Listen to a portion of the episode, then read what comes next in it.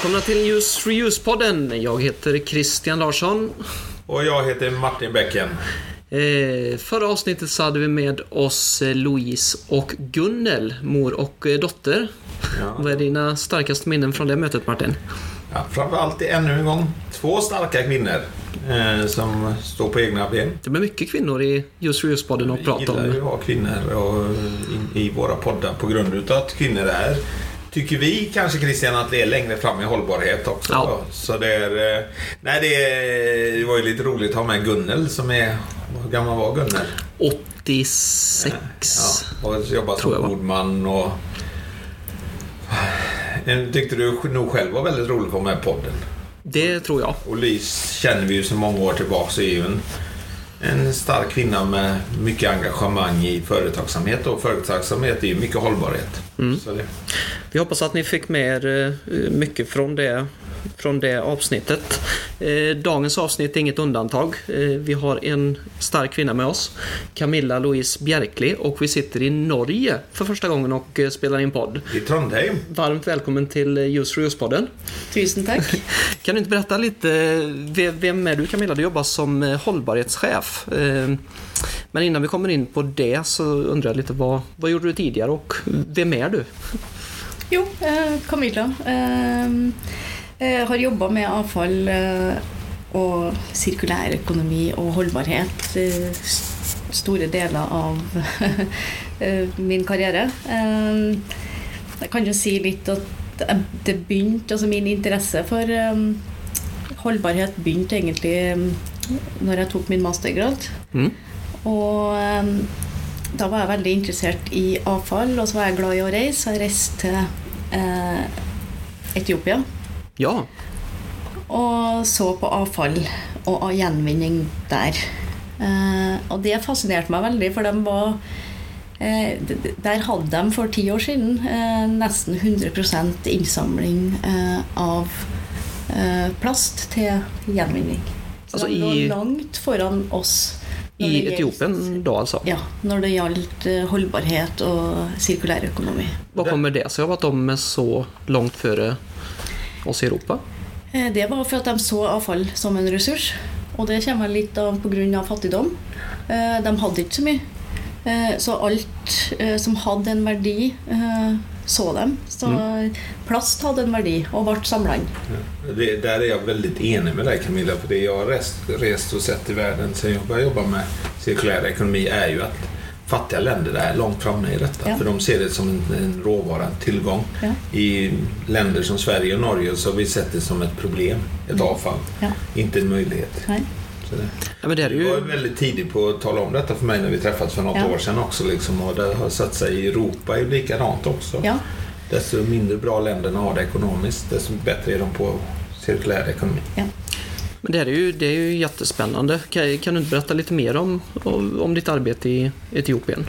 Eh, Nei, jeg kan si litt um, Ja, eh, for jeg, altså eh, Jobben i Etiopia Og så var jeg nylig i um, For ett år siden så var jeg i den største flyktningleiren i Etiopia, i Gambella, på grensa til Sør-Sudan. Mm. Eh, der det ikke var noen form for eh, innsamling av plast. eh, eller avfall i det hele tatt. Det ble bare kasta eller brent. Eh, Og der så vi mulighet til at vi flyktningene eh, begynte å samle inn plast. Og så kjøpte vi bare så enkelt som en, en eh, kompressor. Og nå er det over 50 eh, flyktninger som har fått seg en fulltidsjobb. Samle inn plast i flyktningleiren eh, og sende til eh, Addis Abeba som hovedstaden, der det blir eh, kverna og går inn igjen som råmateriale inn i ja, Och dette ligger i Etiopien da? Altså i Etiopia. Og hvem var det som var, var det norske staten da? eller var det? Nei, det er eh, Kirkens Nødhjelp Ah, okay. som har eh, tatt initiativet til det. Vad fint det, Ja, det er kjempebra. fint, Og de, de har som mål nå å oppskalere prosjektet til flere byer. Og på en måte jo mer eh, kapasitet de har, så vil de jo oppskalere det til flere byer i Etiopia. Da. Ja, Og det skaper arbeidsplasser. Eh, samle inn ressurser. Eh, du får en verdiskaping. Eh, og du får et renere miljø. Det er riktig Ja, det, ja, det er og veldig enkelt. Ja. Kan du berätta, du du har skrivit en del artiklar också, sett om eh, Solid Waste Management i Addis Ababa som du var inne på. Kan du inte berätta lite om hur du, hur du kom in på det ämnet? Ja. Har dere tid? Nei da. Ja då. Uh, ja, jeg kan si kort, for altså, grunnen var at jeg var veldig, altså, veldig interessert i avfall. Uh, og så dro jeg ned til Etiopia, og så hadde jeg egentlig en sånn visjon om at jeg skulle gjøre en materialstrømsanalyse. Jeg skulle redde Etiopia og skulle på en måte forbedre avfallssystemet deres. Når jeg kom ned dit, så innså jeg veldig fort Det her er ti år siden. 15 år siden. Mm. At det var ingen data, det var ikke noe system. Og jeg skjønte at det her klarer ikke Camilla å gjøre alene. Men så begynte jeg å se på den uformelle sektoren. og noen, Du kan si at det er en svartmarked. Altså den, de fattige som opererer, og som ikke er registrert og har et firma, men har, driver med økonomisk aktivitet. Og der så jeg at de, var, de drev med gjenvinning. eh, Og var veldig organisert. Og så fant jeg ut at ok, nå skal jeg kartlegge hele det uformelle gjenvinningssystemet i Addis Abeba i Etiopia. Og der så jeg jo det er jo 100 gjenvinning. Og det er gjenbruk. Og de går fra dør til dør eh, og spør husholdningene har dere noe plast, aluminium, tre, klær, tekstiler. Og så får du Ja, jeg har ei plastflaske. Og da fikk husholdninga ei krone eller to kroner. Så de tjente penger på å ikke kaste avfallet sitt, men å vente til den uformelle sektoren kom, så fikk de penger.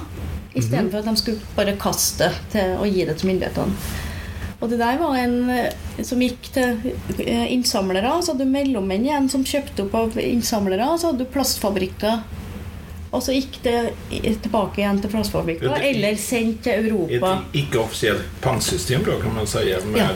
Og det skapte arbeidsplasser til flere tusen innsamlere. Eh, og gjorde at avfall Eller avfall ikke var en avfall, men var en ressurs eh, som gikk inn i Altså sirkulærøkonomi og det vi snakker om i dag. Så på en måte så har de kommet mye lenger enn oss.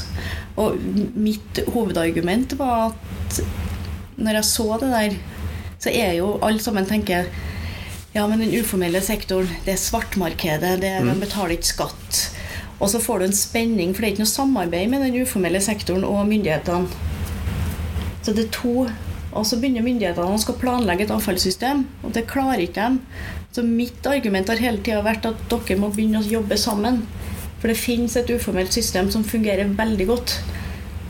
Og for at myndighetene skal klare å gjennomføre og få på plass et avfallssystem, så må de jobbe med den uformelle sektoren og gjøre dem bedre. Da får man et vellykka system.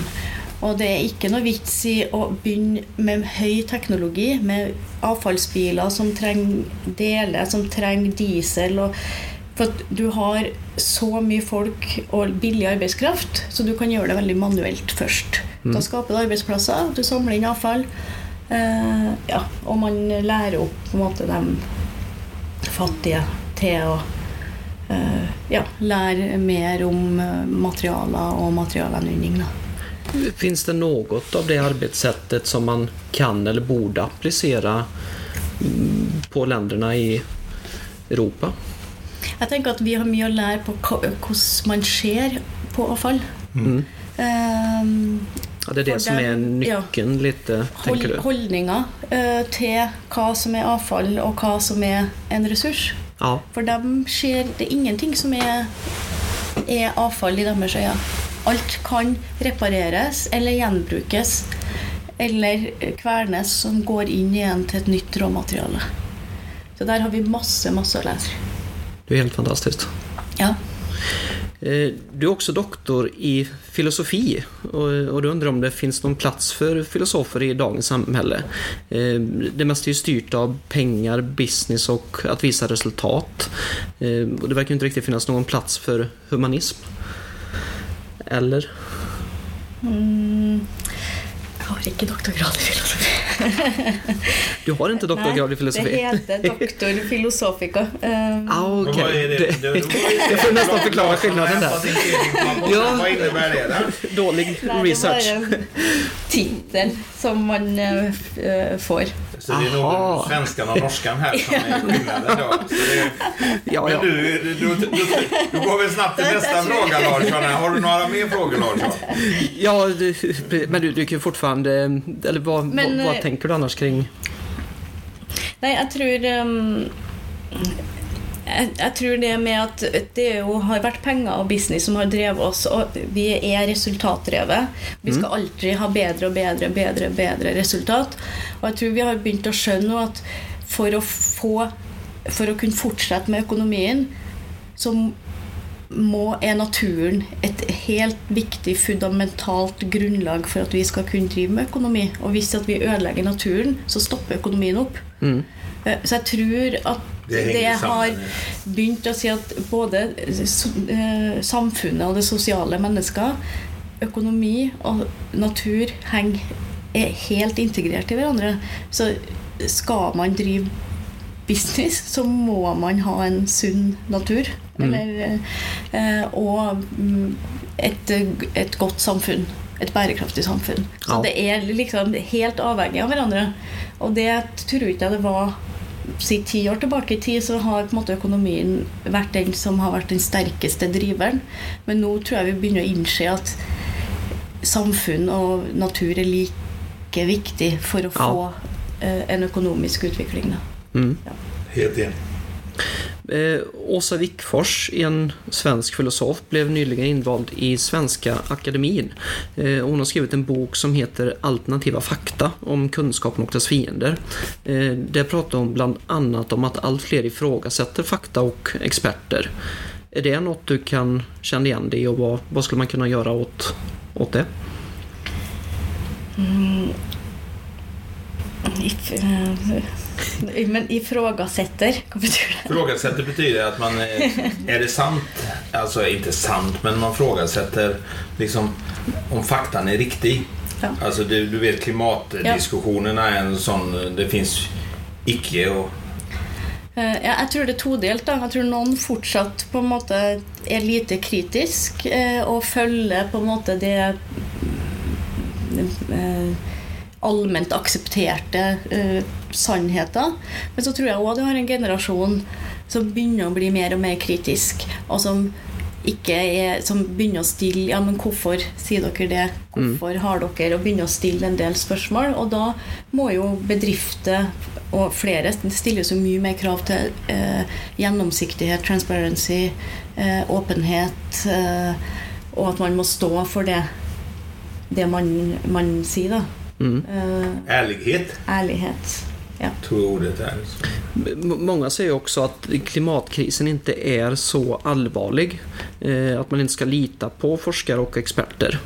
Har du något du skulle vilja säga till de som tvivlar? Eh, Nei, jeg tenker Noen tviler, og noen tviler ikke. Men jeg tenker det er bedre å være føre var. Eh, så har man, hvis det skulle være for dem som tviler, da, eh, si at det er sant, så har vi nå gjort det vi kan, enn å ikke handle og vente til det blir for seint. Så jeg tenker føre var-prinsippet er alltid godt å Ja. ha med. Vi får hoppas att jag har gjort resterande del av researchen hjälp, eh, rätt. Men eh, du har också jobbat som miljörådgivare, stämmer det? Kan du ikke berätta litt hva, vad, vad det innebär? Eh, Da har jeg jobba egentlig som miljø- og avfallsrådgiver. Eh, Så jeg jobba mye med logistikk knytta til avfall. Eh, om det skal til forbrenning, eller om det skal til deponi, eller om det skal til materialgjenvinning. Eh, jobba mye med eh, prosjektering av eh, nye bygg, f.eks. nye sykehus eller Gardermoen. Eh, eh, nye terminalen på Gardermoen. Og da er det snakk om hvordan materialer skal man ha i et bygg. For man tenker når man bygger et bygg, så skal, må man tenke at det, det skal brukes. Og det skal være minst mulig miljøbelastning under bruk. Og så skal det bygget bli avfall en gang. Det skal rives. Og da må man tenke hvordan materialer har vi i bygget. Mm. Eh, og hvordan kan det gå inn i kretsløpet igjen. Eh, i et, et sirkulært kretsløp. Så jeg jobba mye egentlig med bygg eh, og tanke på at det skal bli Altså valg av materialer for at det skal bli eh, mye ressurser. Eller ja. Og du, en annan intressant fråga. Du jobbar ju som hållbarhetschef idag. Och det är ju en titel som inte existerade för några år sedan. Vad, hur, hur viktig är hållbarhetschefen för företag idag? Vad, vad är dess uppgift? Vad skulle du vilja säga till företag som inte har det anställt en alltså hållbarhetschef hållbarhet- tidigare? Hållbarhetschef fanns nog också, men det kanske hette miljöchef förut eller någonting som inte gör att man har tagit in ordet hållbarhet som är ett mycket bredare ord. Mm. Med social och ekonomisk hållbarhet och hela den här biten. Ja, jeg tror Litt av grunnen til at man har fått mer og mer holdbarhetsansvarlig eller sjef nå, er jo at kunder etterspør det. Det blir strengere og strengere krav til at man skal rapportere på holdbarhet. Eh, og- og man ser at bankene òg stiller krav til at man skal tenke holdbarhet. Så holdbarhet er en del å begynne å bli på lik linje med et økonomisk budsjett. på en måte. Man rapporterer på økonomi, og man må begynne å rapportere på uh, Helt enig. Så det, det er en omstilling som alle företag kommer til å gå gjennom? Ja, eh, säger og man må rapportere på ehm, eh, på bærekraft.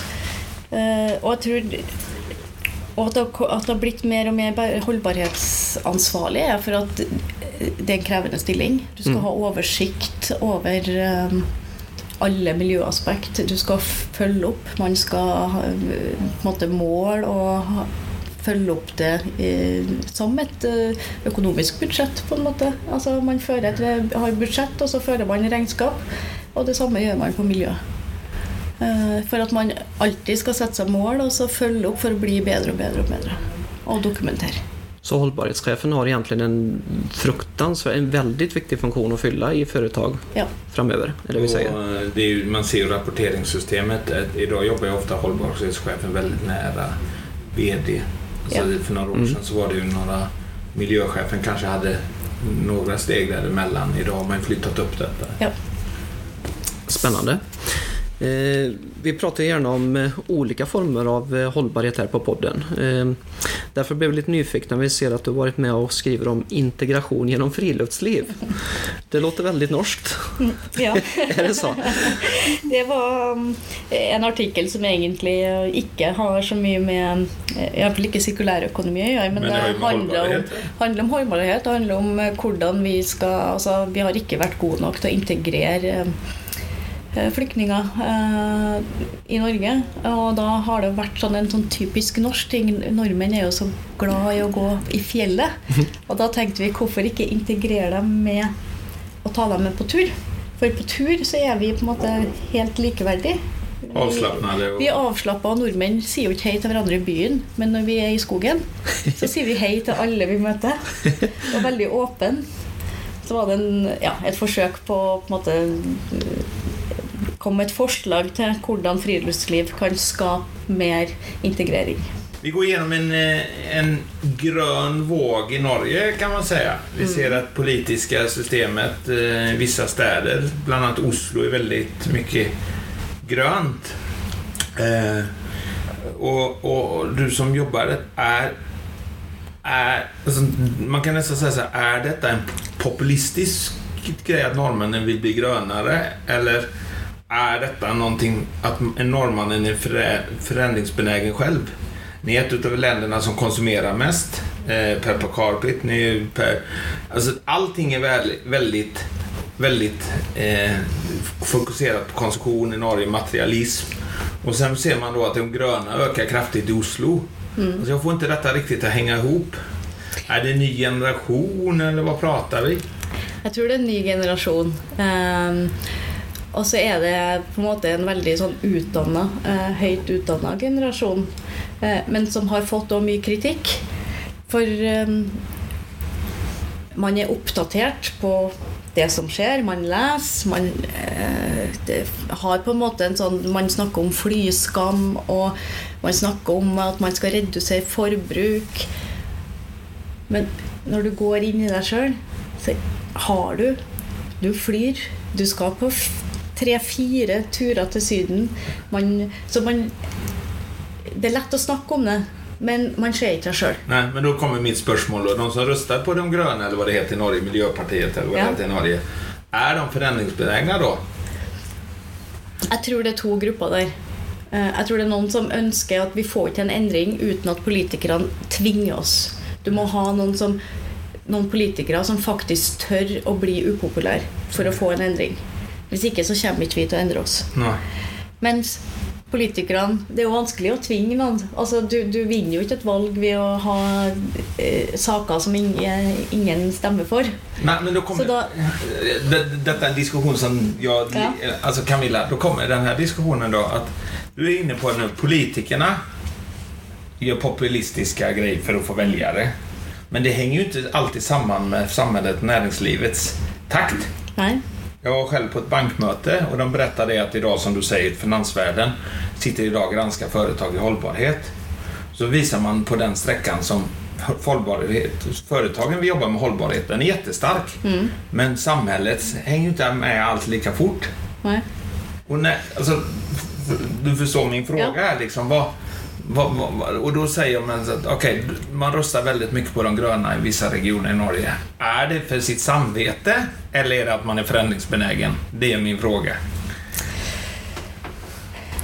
Jeg tror det er to kanskje grupper. begge Ja, to grupper. At noen eh, tenker ja, det her er bra, og, eh, og så er det noen som ønsker den endringa.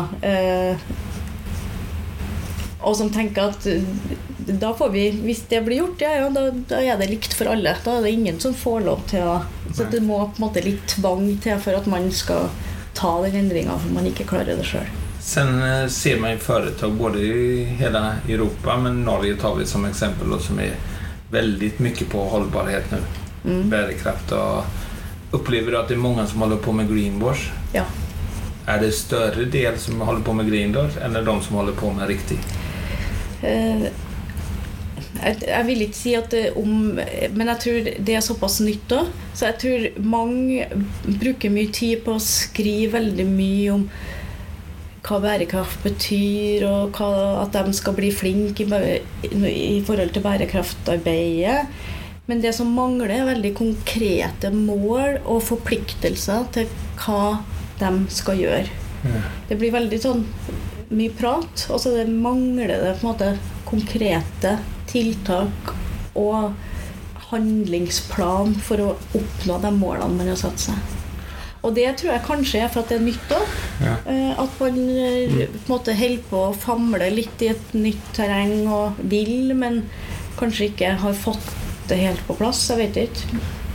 Men kommer, I Norge har man satt et mål på at man skal halvera CO2-utsläppen per person til 2000, är det 25 eller 23 eller? Ja.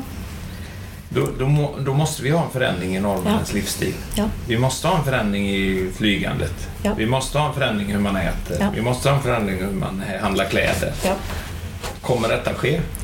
Ikke hvis det ikke blir noe tvang. Jeg tror ikke en enkeltperson klarer eh, For det, vi er jo sånn mennesker. Vi konkurrerer jo litt med naboen. Og har naboen kjøpt den bilen? Og har du dem skoene? Har du, altså, vi skal være like gode som naboen, eller eh, Så hvis at Så du, du mener på at det- Det handler om å bryte en hel kultur egentligen. Ja. Et beteende? det Ja, ja, et beteende. Et beteende, et samhälls... Ja. Men då, då kommer min eh, slutfråga. Sen Larsson ska du få säga tack och hej. Det har varit en speciell podd idag. Ja, väldigt Med intressant filosofiska och bibliklar Ja. ska hämtas och vad det var. Ja, dålig research. Så. Eh, men så är det när vi är i Norge. Mm. Eh, du är ju en eh, kvinna då som har varit ute och rest mycket i världen och gillar avfall. Mm. Och bor i ett av världens rikaste land. Eh, konsumerar du mycket? Det gjør jeg nok. Eh, Sammenligna med på en måte snittet i verden. men Men jeg, jeg, jeg prøver å være bevisst det. Ja. Eh, og kjøpe eh, Vi har kompost, så vi kaster matavfallet i en kompost. Så, og sorterer eh, hjem. Men når du går på butikken, tenker du deg før da? Ja, det gjør jeg. Ja. Når du går og handler mat?